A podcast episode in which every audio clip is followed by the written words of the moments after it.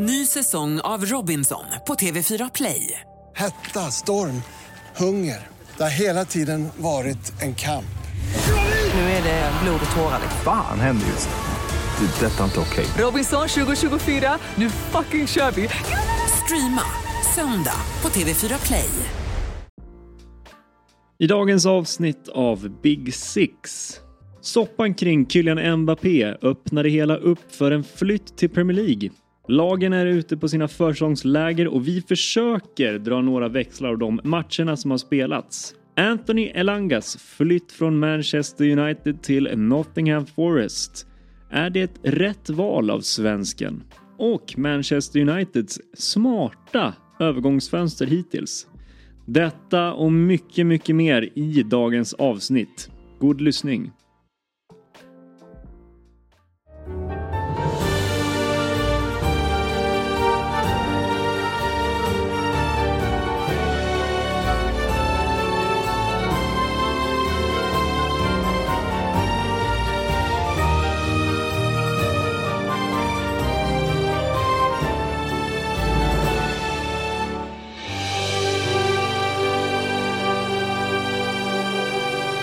Då säger jag hjärtligt välkomna till eh, avsnitt 86 av Big Six. Den här veckan fortsatt med mig, Oliver Thomas Jernberg och Sabri Suvaxi. Mm. Jag är rätt den här gången. Ja, helt okej. Ja, helt okej. Hur är läget med dig? Ja, men det är mycket bra. Det är mycket bra. Jag, eh, jag vet inte när den här podden går ut men jag kan kanske befinna mig i eh, varmare breddgrader när eh, avsnittet släpps. Jag ska ju nämligen eh, till Arlanda snart och eh, åka mot Grekland. Inte där det brinner. Nej, som tur är. Eh, men det ska bli jäkligt- jäkligt skönt med, med lite solsemester och så är jag tillbaks bara några dagar innan Premier League drar igång eh, den 11 augusti. Så eh, det ska bli en eh, skön uppladdning. Mm, väldigt härligt och det är, nu känner man ju att det är, som, som jag var inne på förra veckan, då börjar man få lite nerver. Nu är det ännu närmare och sen kommer ju också eh, Hoffman och Björn eh, tillbaka här Mm. eh, de kommande avsnitten så att eh, nu är det på allvar det här. Ja men nu börjar det närma Mm. sig på riktigt, det känner man. Men jag lovar att jag ska äta ett par, ett par gyros, dricka ett par oso för alla våra lyssnare där ute. Det låter bra. Du, det är väl lite så här, sen förra gången, förra avsnittet, det var ju väldigt, eh, väldigt trevligt avsnitt. Vi hade ju också med oss Alexander Snäcker en, en liten stund. Mm. Eh, men vi pratade också om våra lag som vi följer, eh, lite, lite stämningen där och jag var ju väldigt eh, glad för då var det ju snack om att då hade ju Here We Goat så det var ju klart och påskrivet allting det här med Guardiol. Ja, Eh, jag kallar det för en fuskvärvning. fuskvärvning och jag var eh, på liksom eh, uppe bland molnen. Nu verkar det dock som att någonting har hänt där. Lite som att det har kört fast. Ja, men alltså det, det, det- uppstod väl lite förvirring när liksom transfergurun Fabrizio Romano drog sin Here we go. Guardiol to Manchester City. Ja, och han påstod ju då liksom att, eh, läkare, att, att Guardiol skulle ha genomgått första läkarundersökningen. Vilket betyder ju då att han ska vara klar för City. Men efter det gick ju City ut och liksom förnekade de där uppgifterna. Om att en affär skulle liksom helt och hållet rott i hamn med Leipzig. Leipzig vill ju ha 100 miljoner euro Ja. för Guardiol. Vilket, gör, vilket skulle göra honom till den dyraste backen någonsin i världen. Alltså, eh, han är ju inte ens den bästa mittbacken i världen just nu. Men på något sätt är man ju inte chockad att det är Leipzig som eh, då löser de här summorna.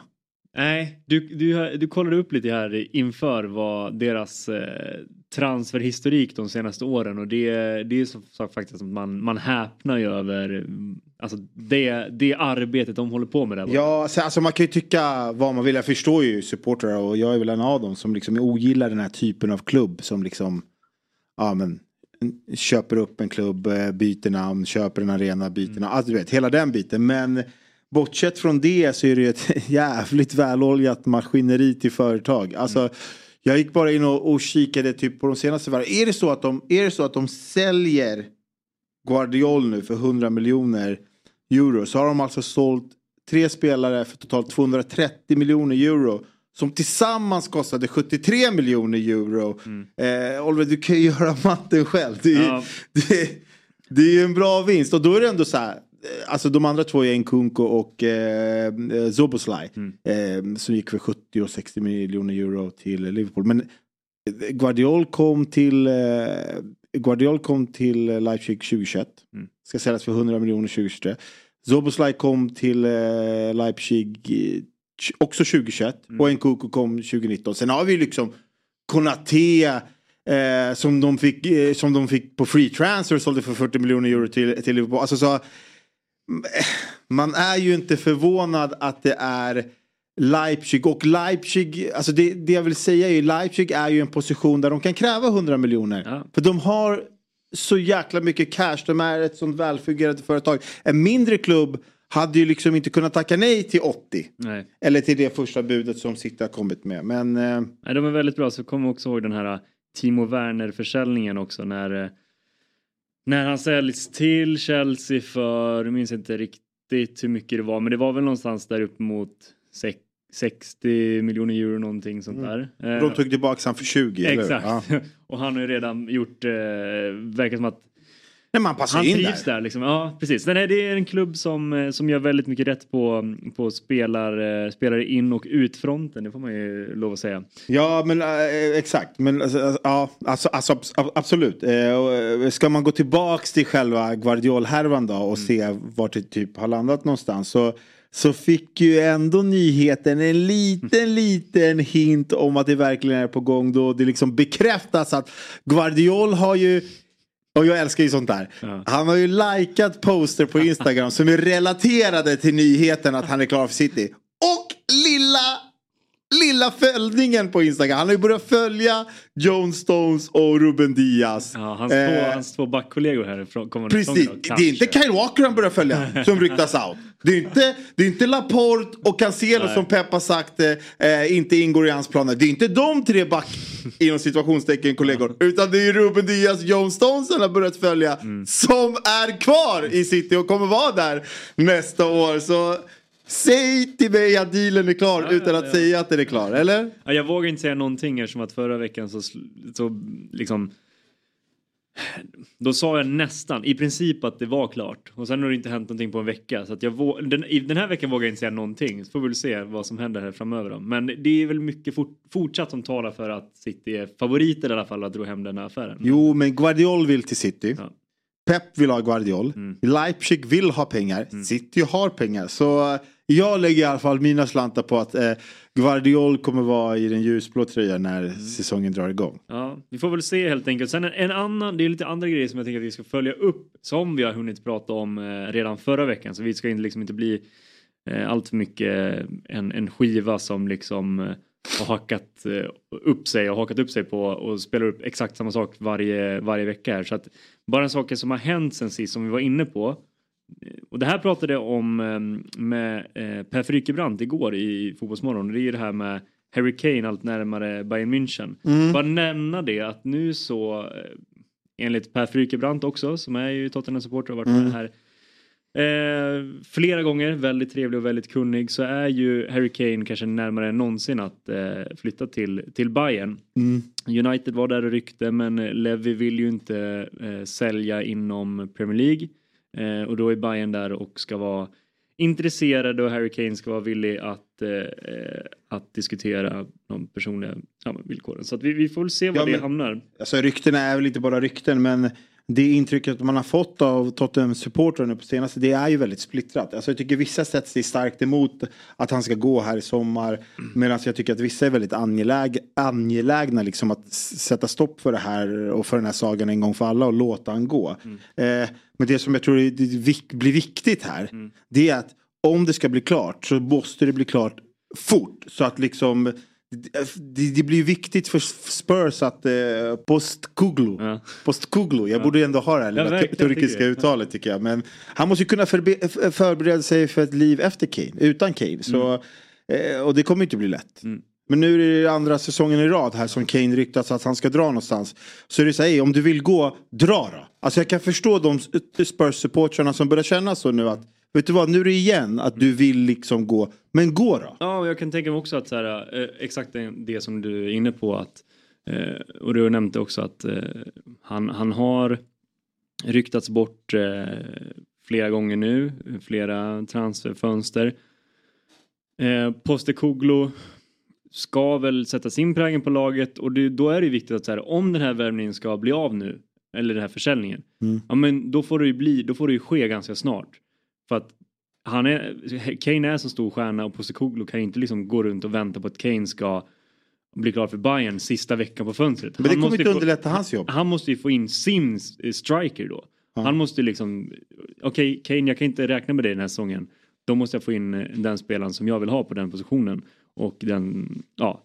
Eh, Så det måste väl ske ganska snart och det, det tisslas och tasslas och det verkar ju som att det är närmare än någonsin. Så vi, vi får väl se Det- vad som händer. Det blir ju ett stort hål att fylla. Absolut. Alltså det, det absolut största hålet att fylla. Liksom. Killen har väl, jag läste någonstans han, han har snittat 17 mål per säsong i, i nio säsonger i rad i Spurs. Alltså du vet, det, det, det, det, det, det, man hittar ju inte, det växer ju inte på träd. Sådana forwards och strikers som ska gå in där i Spurs. Och som du säger, som, som ny coach vill man ju sätta sin prägel på laget. Man vill ha sin, sin styrka redo för den första matchen här när säsongen ska dra igång. Och det måste ske fort.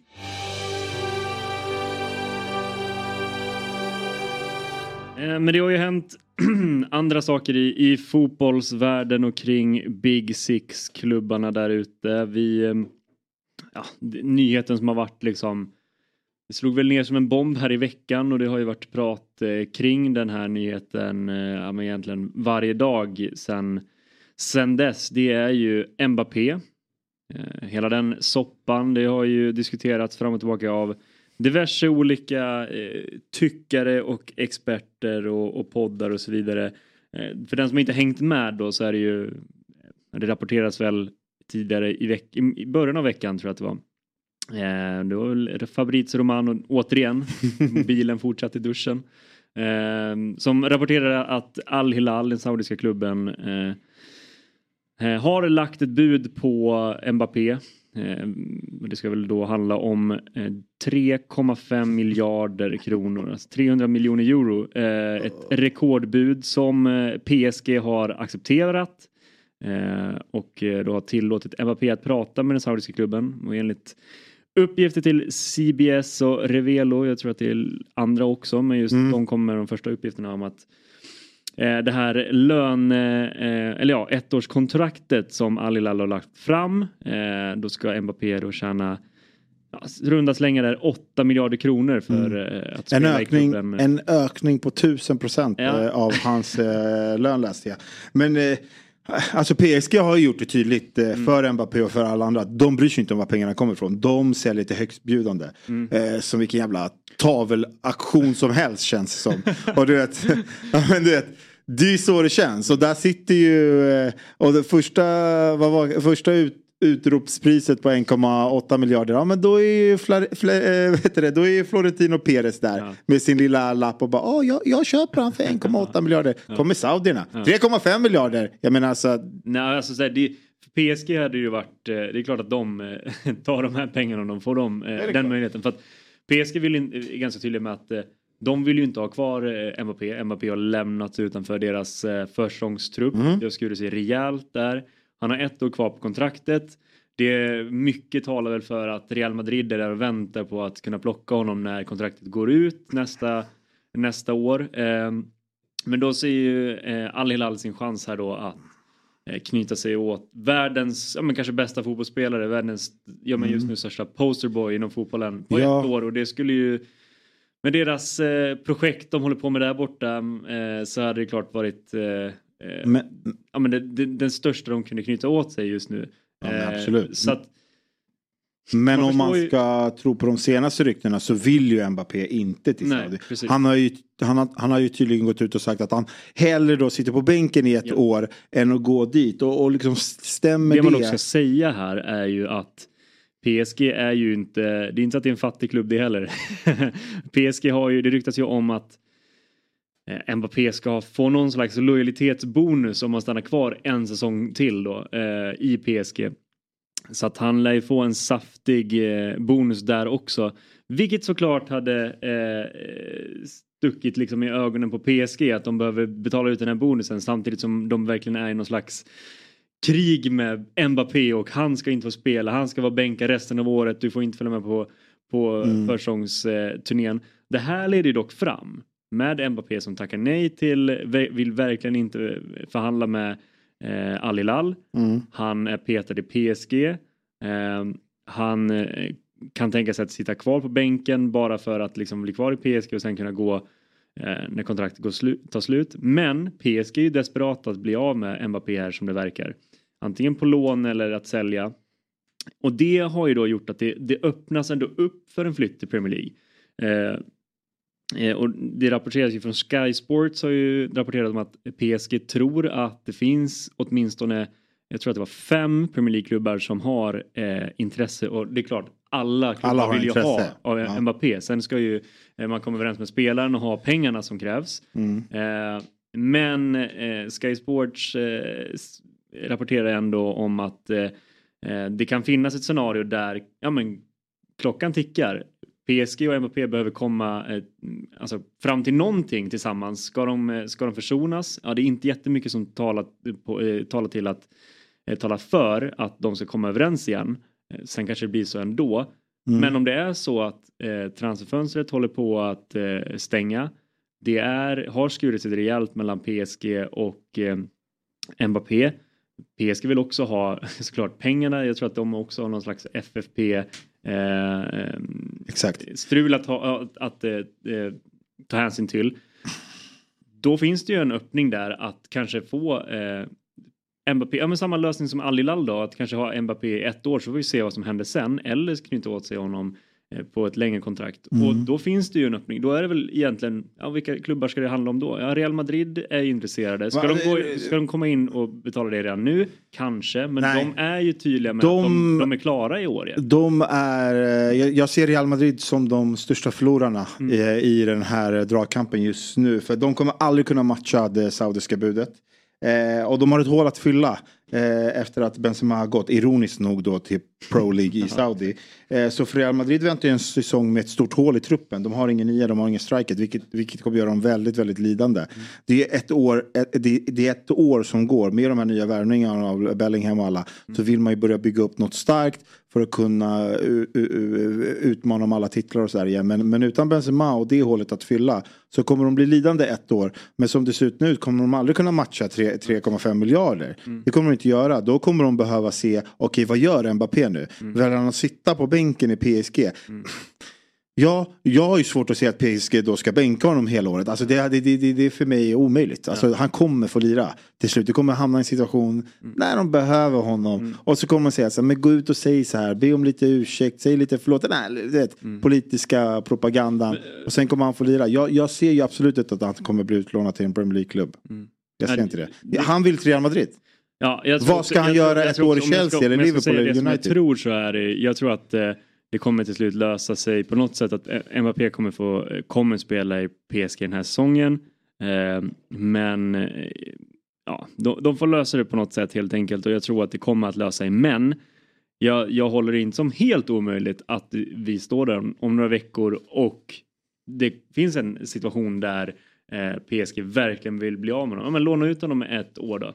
Eh, och då finns det nog några klubbar som eh, kanske några Premier League-klubbar som står där och kan tänka sig att... eh, att Men du vet, då, då ska man också tänka på i så fall kan det bli ett, ett lån på ett år. Mm. Sen är han fri på marknaden. Man vet att han vill till Real Madrid. Real Madrid kommer plocka honom. Hur, om vi pratar liksom 3,5 miljard som saudierna vill ha och han inte vill gå dit. Mm. Hur mycket vill PSG ha då för ett lån? Det kommer nog vara ganska mycket pengar. Det kommer vara i princip eller det kommer vara väldigt mycket pengar. Då är det så här, vi- vilken klubb i Premier League är villiga att lägga de pengarna? Bara för ett lån på ett år. När de känner att vi, vi kommer nog inte vara först i dragkampen om honom om ett år. Nej. Jag vet inte, det känns inte Det känns som en toknödlösning. Som kommer säkert vara sjukt lyckat på ett år. Eh, och man kommer kanske... En ganska bra lösning dock. Det får man ju lov att säga. Rent sportsligt. Ja, På planen. kortsiktigt ja. Mm, ja, jo men precis. Sen då? Eller, Sen ska du ändå in med, med någon ny spelare som ska täcka det där men du har slösat eh, en jäkla massa pengar. Jag, jag, förstår ju folk på nätet som hittar de här eh, lösningarna. Om, jag har väldigt svårt att se honom eh, gå till Premier League. Jag vet inte, jag, bara, jag, jag får inte den känslan av den här soppan överhuvudtaget. Min känsla är ju att eh, antingen hittar Real Madrid ett sätt att lösa honom nu. Eller så kommer han och PSG att försonas om- och han kommer spela där ett år till.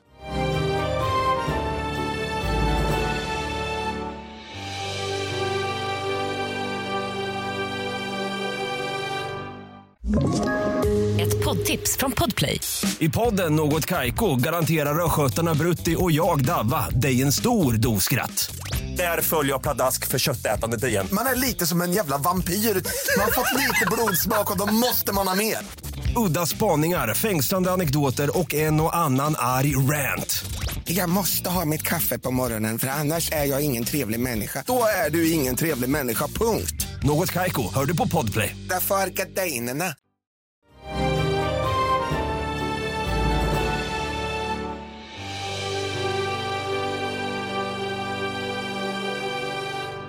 Det har ju även eh, spelats lite matcher. Även om det är försäsongsmatcher så är det ju ändå våra Big Six-klubbar som är igång och, och spelar nu. Eh, Arsenal-Barcelona eh, slutar ju 5-3 till Arsenal. Eh, såg lite grann av den matchen. Det var ju ganska, det var en kul match för att vara en försäsong. Det var ju framförallt var det kul för det var ganska stökigt och tjafsigt. Jag vet, Xavi poängterade efter matchen att Arsenal spelade väldigt tufft för att vara en träningsmatch. Men jag vet inte om, om Xavi verkligen, han kanske är ute och kastar sten i, i glashus här. För att han hade ju en viss Araujo som, som sparkade nästan på, på allt som sprang där ute Ja. på planen. Det var, det var en tuff match för att vara första. Men eh, till eh, Arsenals försvar så var det väl kanske inte ett klassiskt Barcelona man mötte. Utan det var ju ett Premier League-möte. Ett Arsenal mot ett ihopplockat Premier League-lag. Jag menar alltså det var ju både Gündogan, Romeo, eh, Alonso, Christiansen, eh, Rafinha. Så det var ju ett par Premier League-profiler eh, som ställde upp i det där Barcelona-laget. Och då vet man att det kan bli rätt fysiskt. Men eh, ja, med 5-3 det, är- ja, det är en batalj. Jag tror det väl eh, gjordes både eh, till och med fyra mål i första halvlek. Och sen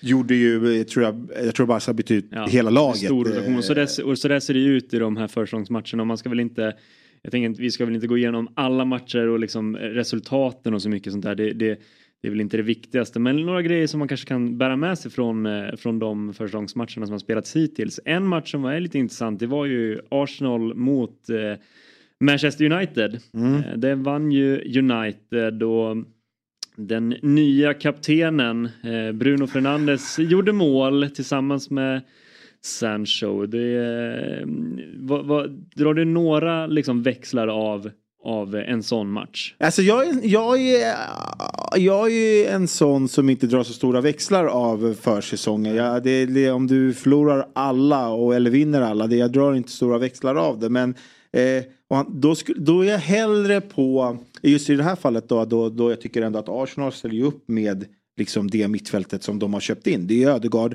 som är där som var där förut. Declan Rice startar, Havertz startar. Man, fick, man får väl en liten inblick på hur balansen ska funka på det där mittfältet. Sen var det i och för sig eh, Gabriel Jesus var inte med från start, det var Enketia. Sen hade de Saka Martinelli. De hade ett bra lag på pappret. Saliba, Ramsdale mål. Nej, så, så, så att Manchester United gick ut ändå och vann den matchen med Ali- ganska B-betonat lag. Gör väl en del för att boosta deras självförtroende. Men jag tror att det är väldigt bra för Arsenal jag tror att den här matchen var en fördel för Arsenal. Att de förlorar den här matchen mot en rival som United ändå är. Eh, där de ändå har ett ganska tungt och bra lag på pappret medan United har det inte. För då det, det, det, det bevisar att eh, eh, eh, ska ni leva upp till förväntningarna i år så måste ni step up i varje game. För att eh, ni laget, ni har blivit ett lag som man vill slå nu. Man, lag som kommer möta Arsenal vill visa att äh, ni är inte så bra som ni trodde förra året. Och det tror jag att de kommer få se mycket av i, i, i nästa år. Så Arteta har ju lite att jobba på. Dels på det där liksom mittfältet som är, de har köpt in, de har väl gjort det bra men det ska ju också funka. Så det är väl den slutsatsen jag drar lite av den matchen. Ja, och sen eh, vi, som sagt, jag tänker vi behöver inte gå igenom alla matcher för att det, det är Det är många. intressant i det. Men, men däremot kanske man kan dra några intressanta tankar kring, eh, kring det som har hänt på försäsongen. Jag, jag stannar till lite grann i, vid Chelsea. Eh, Det är ju ett spännande, alltså jag tycker Chelsea kommer bli spännande att se i år för med tanke på det som Ja men det misslyckandet i fjol och även de många nyförvärv man gjorde då och de nyförvärv man har gjort nu. Det är Pochettino in och så vidare. Man vet inte riktigt vad man har Chelsea. Eh, De har spelat eh, två matcher sedan förra veckan tror jag om jag inte minns helt fel. De har i alla fall mött Brighton och, Newcastle och det, jag vill, det jag vill ändå ta med mig från de här två matcherna det är ju att eh, de två anfallsnyförvärven i Nkunku och Nicholas Jackson. Mm. Eh, de har ju startat bra med tanke på att eh, Jackson har ju gjort två mål där och, Nkunku gjorde ju ett, ett fint mål och, och såg ganska pigg ut i, i, i, matchen här mot eh, Brighton tror jag att det var va? Ja precis så att jag tänker bara hur viktigt är det att Chelsea får igång sina nyförvärv från start med tanke på att ja men offensiven var ju inte det riktigt, det glänste ju inte riktigt förra året. Var, jag tror att de gjorde 38 mål i fjol. Väldigt lågt och eh, man fick inte riktigt träff på de här nyförvärven som man hade tänkt sig i, i fjol. Eh, till exempel Modric. Modric gjorde ju exempelvis också mål i en av de här träningsmatcherna. Men, men hur viktigt eh, skulle du säga är att man de kommer in i säsongen och, och kan prestera från start och kanske kan ta med sig någon eh, ja, men, positiv eh, Nej. känsla från försäsongen. Nej men det är alltid, det är alltid, det är klart att det alltid är viktigt för nyförvärv att komma rätt in i det systemet och få göra lite mål och bygga upp lite självförtroende i ett lag. Det, det tvi- tvivlar jag inte på överhuvudtaget. Det, det är såklart att det är det. Men i Pochettinos fall tror jag att han inte ser så mycket till vem det egentligen som gör målet här. Det är mycket annat som man vill se ska stämma. Och jag såg eh, vissa tendenser i vissa, när jag kollade lite highlights-klipp att eh, en, en annan typ av rörelse i, i eh, Chelseas anfallsspel som jag inte riktigt, eller som jag inte såg förra året under någon av tränarna. Så det, det är lite intressant att se att, att han ganska snabbt har fått in, in sitt system här Pochettino. Men det var vi lite inne på förra året att med Pochettino så kommer, så kommer, när han kommer med också sin stab så är de ganska färdiga med vad de vill ha. Utan det, det är många delar som kommer fungera ganska snabbt. Och det tror jag också att jag nämnde att jag tror att eh, jag, jag nämnde Pochettino som en av de eh, bästa värvningarna, fem bästa värvningarna hittills. För att jag tror att han eh, med hans koncept och med hans stab så kommer han få det att fungera ganska snabbt i Chelsea. Och det såg vi tendenser av här i båda de här träningsmatcherna. Så för den delen viktigt för Chelsea. Sen såklart individuellt för spelare och nyförvärv att de får göra mål i en träningsmatch eller en försäsongsmatch. Det är alltid kul, det är alltid bra. Eh, det boostar ju alltid ett självförtroende men i slutändan är det ju den 11-12 augusti här när serien drar igång. Mot då, Liv- eller 11 augusti är det ju mot Liverpool. Det är då de ska göra mål. Eh, så, um, men eh, det, det är klart att det är aldrig dåligt för ett nyförvärv att få hänga dit en balja. Sen, eh, sen ja, på vilket sätt man Se gör om det det. fortsätter in i, i Premier League-säsongen då helt enkelt. Eh, Ja. Det sista jag tänker vi tar med oss från försäsongsmatcherna som har spelats det är ju en spelare som vi har eh, varit inne på. Vi var inne på honom i, i förra avsnittet. Vi, eh, vi Mhm. eh, spådde en bra säsong för den här spelaren. Jag tänker på Darwin Nunez och Mhm. i, i ditt Liverpool. Eh, Liverpool har ju mött två tyska lag. Det är ju inga topplag direkt. Det är Greuther Fürth och Karlsruher. Ja, där spelar Ergota, svensken. Ja, just. Ehm, nej men det- Nunez gjorde ju eh, mål i båda de här matcherna, blev ju tvåmålsskytt i mot Greuther Fürth här och nej, men jag, jag tycker att man, man ser att eh, vi, vår spåkula här, den, eh, den ser ut att få rätt va? Det kanske, Nunez menar allvar, det kommer bli, eh, det här kommer bli säsongen att räkna med från Nunez eller vad Ja. vågar du ta ut någonting? Vi, vi, vi kanske ska göra så att du och jag tippar antal mål av Darwin Nunez och så får ju de mer skeptiska, kanske Hoffman och Björn tippas in så får vi se vad vi har rätt. Nej, men jag, när jag pratar om Nunez pratar jag säkert väldigt mycket ur hjärtat för att jag, jag, jag, jag har ju varit en jag har ju varit den som har varit ganska hård mot honom redan hela förra året. Jag, jag liksom förstod inte hur man kunde lägga så, så pass mycket pengar på en spelare som man behövde lägga dubbla för att träna skott och avslut. För att det, det var inte fel att han kom till lägen men det var ju besluten han tog som var liksom och, och, och själva utförandet av det som var inte värt en miljard. Eh, om, om, om, om man får uttrycka det milt. Men eh, Nej men det, det är väl också en spelare som så här, ja, men det, det, det är den här hypen för försäsongen. Men det, det, den har ju grundat sig i att han förra året inte var klappusel men ändå inte var bra. Du vet så här, att man, så här, man såg en potential och det tror jag ganska många såg. Eh, att det finns någonting i honom. Så när han då gör mål här på försäsongen så, blir det lätt att säga så här. Det här blir hans år. Eh, men jag tror också att han kanske känner att Ja men det finns, eh, det, det, det, det är en annan kon- det kommer bli en annan konkurrens liksom där uppe på, på, på ett sätt när Eller att han kanske känner att nu finns verkligen platsen att ta. Det var ju både Jota och, och Firmino förra året. Eh, ibland kunde Salah gå in där och spela, ibland spelade Gack på nia. Men jag tror att Nunez verkligen känner att det här kan bli hans år att ta den och befästa den eh, platsen som nia. Och när han verkligen känner att nu finns det ännu mer kvalitet runt omkring mig. Så kanske han också steppar in och kommer in i det här lite mer brittiska sättet att spela, sättet att vara, klimatet och liksom hur allt fungerar på sidan om. För att är det något han måste behärska lite också så är det ju temperamentet. Det, är ju, det är ju en tokig spelare vi har att göra med. Ja, jag gillar ju det. Ja, alltså jag gillar ju de här som är på gränsen till psykopater. Det har jag alltid gjort. Och folk kan ju tycka om att det är en uh, unpopular opinion om de vill. Men jag, det, jag kan gilla de här. Jag kan gilla liksom de som spelar lite på gränsen så att säga. Men, eh, ja, men det, det, det är återigen här i Liverpool att man ser att det är bra, man ser att de gör mål. Men samtidigt så är man så här, okej Henderson out. Fabinho ryktas out. Mm, Man har Zoboslaj och McAllister men nu vill man ju ha en, nu vill man ju ha en, in en mittfältare, en mer defensivt inriktad eh, mittfältare. Eh, och då är det så här, vad, vad ska man det måste ju komma in något. Om då Fabinho också rör på sig mot the Pro League som det ryktas. Alltså då vill man ju ha in någonting. Har man ju, då vill man ju ha in någonting där och det är väl Lavia. Från Southampton som ryktas starkast eller?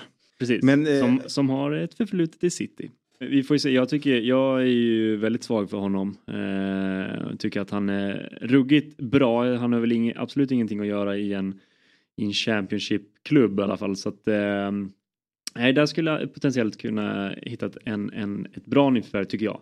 Men å andra sidan så, så Liverpool-supporter så är man ju lite så här, hmm, ska vi ta en spelare från Southampton? Man har ju vissa bra minnen därifrån, Ja, liksom det- med, med Sadio Mané, van Dijk, till och med Peter Crouch. Och jag Rick gillar, Lambert!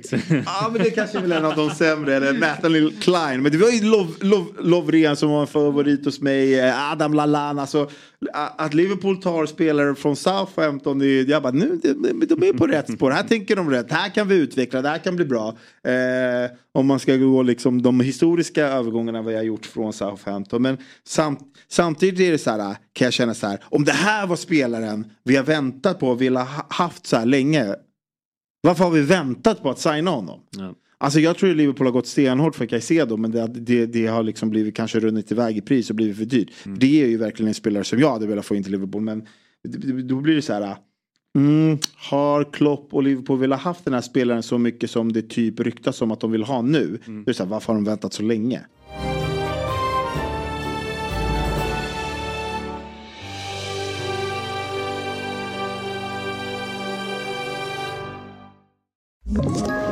Ett poddtips från Podplay.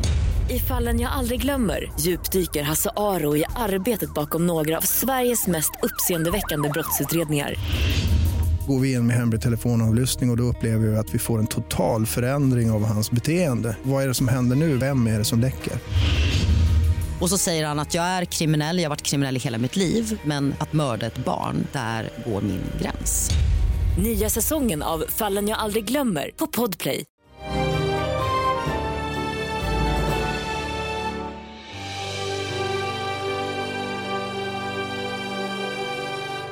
En eh, nyhet som vi inte har eh, snackat om än, som vi, men som vi eh, såklart måste prata om. Det är ju, det är ju en svensk som har lämnat en Big Six-klubb. Eh, jag pratar såklart om Anthony Elanga som Ja. har lämnat Manchester United för Nottingham Forest. Mm.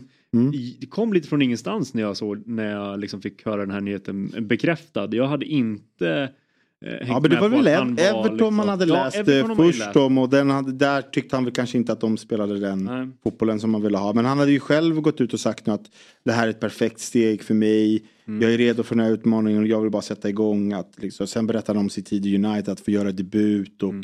spela över 50 matcher, göra mål, vinna titlar med den här klubben. Det betyder väldigt mycket för honom. Mm. Och så här, ah, när det kommer till just Elanga så, så, så kanske det blev en liten överhype Mm. eftersom han ja, men, som svensk eh, och varit i United ändå fick upp till, eh, komma upp till A-laget och göra sina debuter. Det, det, det, det skapas alltid en hype runt omkring det men å andra sidan ser man lite nyktert på det så fick han göra det i rätt läge i United. Vissa gånger har man ju också tur med vad klubben befinner sig i, i, i form av position. När man får göra en debut eller får göra matcher eller blir köpt i den klubben. Jag menar, jag tycker att United var väl lite på vippen, lite skakigt. Och då fick han sin chans. Och så han, han tog väl den inte, han tog väl den helt okej då.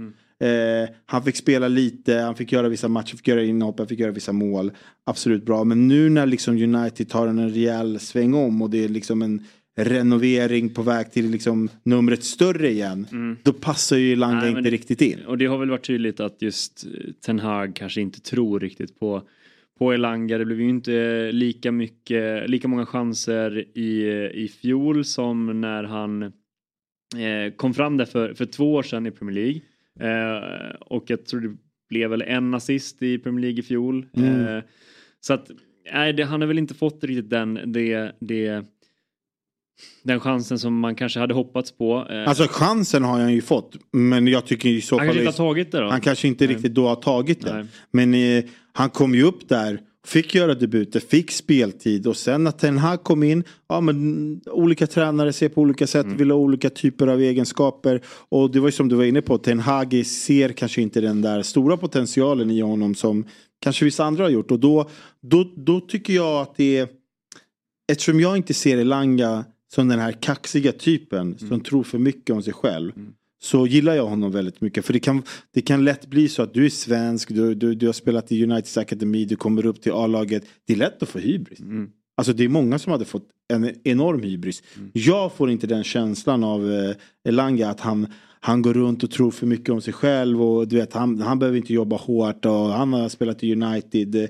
Så, så känns det som att eh, att han stannar i Premier League och går till en klubb som han tycker känns rätt. Och med den kraften liksom eh, för, för att visa upp sig och den liksom ödmjukhet han besitter så tror jag faktiskt att, jag tror faktiskt att det, det kan bli bra i Nottingham Forest. Kanske, många kanske är skeptiska men jag, jag tror att det blir bra. Ja men det är så här, Forest, eh, prislappen slutar väl på någonstans eh, runt 200 miljoner kronor. Eh, Mm. Och vi minns ju när Forest gick upp i fjol hur de liksom, de splashade ju pengar på allt som hade två ben i princip. Det var ju Mm. liksom verkligen sprängde banken. Eh, men de klarade sig kvar, det såg ju, det såg ju väldigt eh, tufft ut ett tag men blev ju kvar en säsong till eh, och eh, men i år har de ju, den här sommaren har de ju tagit det lite mer lugnt. Det, jag kollade innan för de har ju plockat in Chris Wood och Ola Aina. Två liksom eh, klassiska namn. De Eh, grekiska cashen är slut. Ja, exakt. Marinakis har inga cash kvar. Det är ing- finns inget kvar. Spenderade både vänster och höger fi- ficka på Forest medan Olympiakos inte tog titeln i Grekland. Nej, Det var ett jobbigt år. Men han fick ju, de stannade ju Ja. kvar i PL till slut och jag tror det ändå var målet Ja. för dem. Så. Nej, men så att, så att med de två eh, värvningarna så är det ju, ja, men utöver de två värvningarna så är det ju Anthony Elanga som de har värvat den här eh, den, inför den här säsongen så att det är väl deras stora värvning som det ser ut just nu då.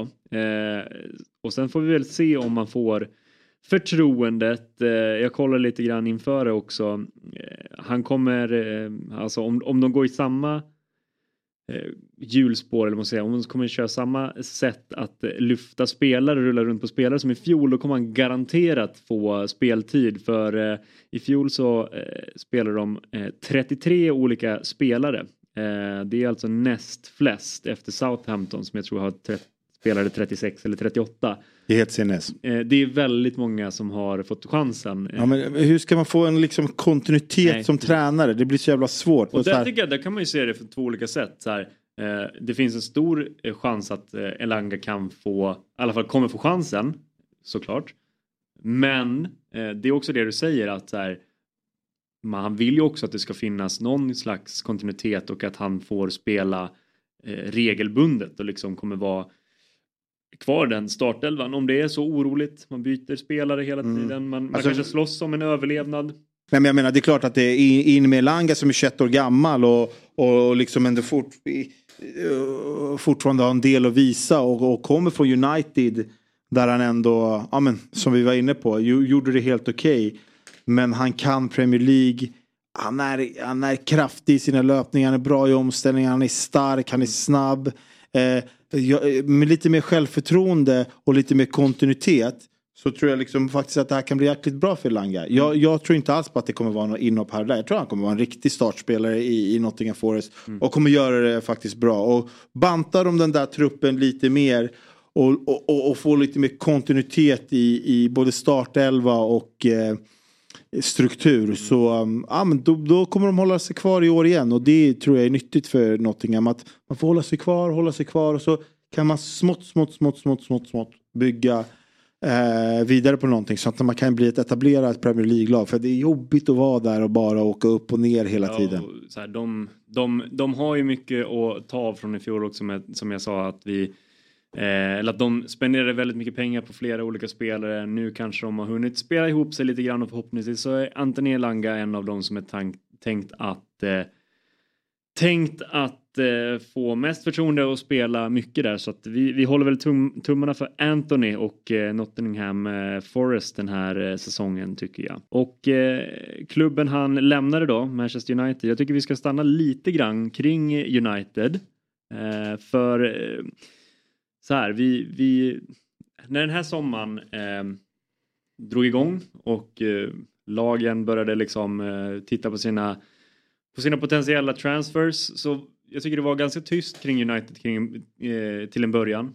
Eh, Mm. Det hände inte jättemycket. De är fortsatt mitt uppe i en diskussion kring eh, ägarbyte. Eh, klubben eh, kan vara till försäljning och det har varit en dragkamp och klart att det ehm, en, klart att en sån grej eh, ställer till det när man ska bygga en trupp. Vem, vem är det som egentligen ska styra det här laget så att säga. Ehm, idag så, ja men precis innan, eller precis efter att vi hade publicerat avsnittet förra veckan så blev ju Onana klar. Vi hade ju eh, egentligen räknat in den. Mm, Eh. Mount är klar och sen har man väl även eh, plockat hem eller tillbaka Johnny Evans från en från att ha varit eh, borta från klubben. Han var, tillhör väl klubben där under Sir Alex några år om jag inte he minns helt fel. Sen ryktas det ju in eh, lite spelare. Vi har ju varit inne på Höjlund. Nu ska det ju eh, faktiskt vara så att United har eh, ett väldigt konkret intresse och att man eh, försöker väldigt mycket på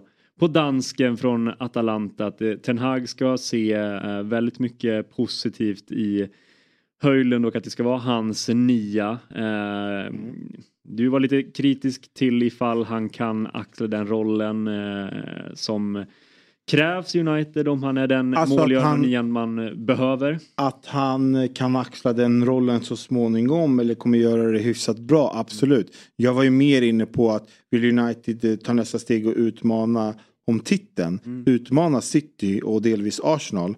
Ja men då måste man ju ha en spelare som kan utmana deras nia eh, om samma sak. Och där var jag bara inne på att jag i princip bara såg, jag såg Kane och kanske någon annan eh, kunna liksom utmana Haaland och, och och, och City om, om, om den titeln. För de behöver en nia som gör mål. Man kan inte bara förlita sig på Rashford eh, i år. Även om Rashford kommer vara jättebra. Eh, så jag är inte skeptisk till värvningen på det sättet. Men jag kanske så här, rent kortsiktigt i år tror jag kanske inte att det kommer blomma ut och bli helt perfekt. Men, eh, nej, men de behöver ju verkligen en nia in nu. En annan spelare som har ryktats in till United, även till ditt Liverpool, är ju är ju Fiorentinas eh, Sofian Amrabat, mor- marockanen där, mittfältaren som eh, ju har gjort det väldigt bra i, i Fiorentina. Vi får väl se eh, enligt, eh, ja men det har ju rapporterats om att Liverpool är intresserade, även United. Spelaren själv ska vilja gå till United, så vi får se om han hamnar där. Eh, men det jag tycker, med de här värvningarna, de här eh, ryktena in, eh, jag tycker att det ändå känns lite grann som att det är jag tycker på förhand, nu ska man väl säga att det just är på förhand, men jag tycker att det är smarta värvningar för det är inga liksom det är inga hiskeliga löner. Eh, det är ganska beprövade spelare i Mount och, och Onana som man ändå får säga kommer ju gå in och, och spela eh, från start i en startelva. det är en spännande, som du säger, en spännande spelare i Höjlund. Kanske inte eh, är liksom världsklass idag men eh, kommer eh, utvecklas och eh, det är en tränare som verkligen tror på honom.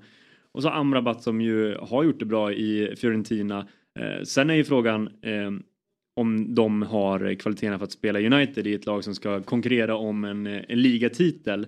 Eh, men jag tycker ändå på förhand att det känns som att det är, alltså det, det är smarta värvningar. Det är inte de här eh, liksom uppsnackade spelarna, liksom de här stjärnspelarna, de här posterboysen som, som man tar in på väldigt mycket pengar som kanske eh, ja, men, eh, tar lite för mycket fokus utan att det här är, det är ganska smart agerat. Vad, vad tycker du om Uniteds eh, transferfönster hittills och de namnen man eh, har? Eh? Nej, jag tycker Amrabat kommer nog vara en väldigt bra värvning. Mm. Alltså man hade koll på honom i VM, han var ju hela han var ju hela motorn i det där marockanska laget som tog sig och skrällde och tog sig väldigt långt. Ten Hag har väl kanske lite koll på honom från eh, hans tid i Holland. Han spelar väl Feyenoord och Utrecht och sådär. Mm. Eh, men han är ju en motor på det där mittfältet. En hårt jobbad an, an, eh, mittfältare.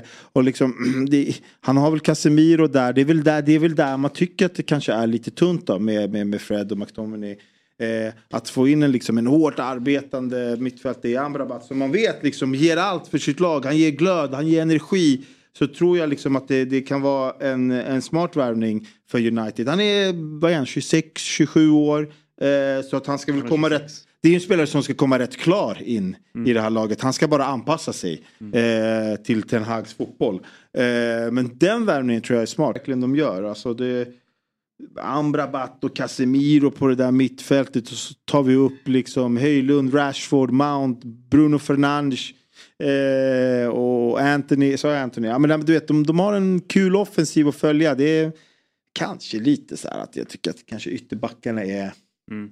lite sådär. Skulle de få in en vass ytterback här också då tror jag att United blir riktigt farliga. Mm. Ja, mycket intressant, mycket som händer som vi var inne på redan i förra veckan. Mycket som händer de här veckorna. Och nu är det ju snart dags att kicka igång säsongen och eh, här nästa vecka så är Jesper Hoffman tillbaka i, mm. i podden och det ser vi väldigt mycket fram emot och så får vi tacka för att vi fick eh, ta över och vikariera lite grann för, för eh, den gode Hoffman. Absolut, de letade långt ner i vikarielådorna. Nej, jag skojar bara. Nej, men det ska bli kul att ligga på playan nästa vecka, lyssna på Hoffman och Björn och, och, och när de ska surra inför kommande premiärerna som stundar här. För jag är, strax, jag är tillbaka strax innan eh, premiären är. Och det ska bli väldigt kul. Mm. City mot Burnley direkt. Nykomling borta. Hjalmar Ekdal ska stänga ner Erling Haaland. Medans Pochettinos Chelsea ska få smaka lite Liverpool-gurka. Det blir, det blir väl en bra premiär. Ja, vi får väl vi får se vad som händer helt enkelt. Vi vi tar och avslutar dagens avsnitt där och skickar över den passningen till, till Björn och Jesper då. Ja. Eh, vi tackar för idag och eh, tack för er som har lyssnat. Eh, och häng med nästa vecka alltså när Björn och Jesper är tillbaka från semestern. Ha det gött. Hej hej. Ciao.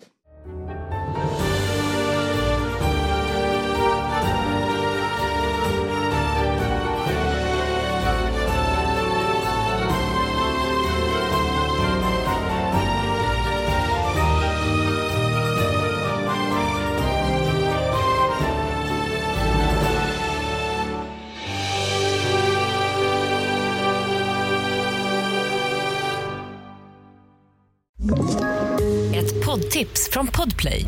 I fallen jag aldrig glömmer djupdyker Hasse Aro i arbetet bakom några av Sveriges mest uppseendeväckande brottsutredningar. Går vi in med hemlig telefonavlyssning och, och då upplever vi att vi får en total förändring av hans beteende. Vad är det som händer nu? Vem är det som läcker? Och så säger han att jag är kriminell, jag har varit kriminell i hela mitt liv men att mörda ett barn, där går min gräns. Nya säsongen av Fallen jag aldrig glömmer på Podplay.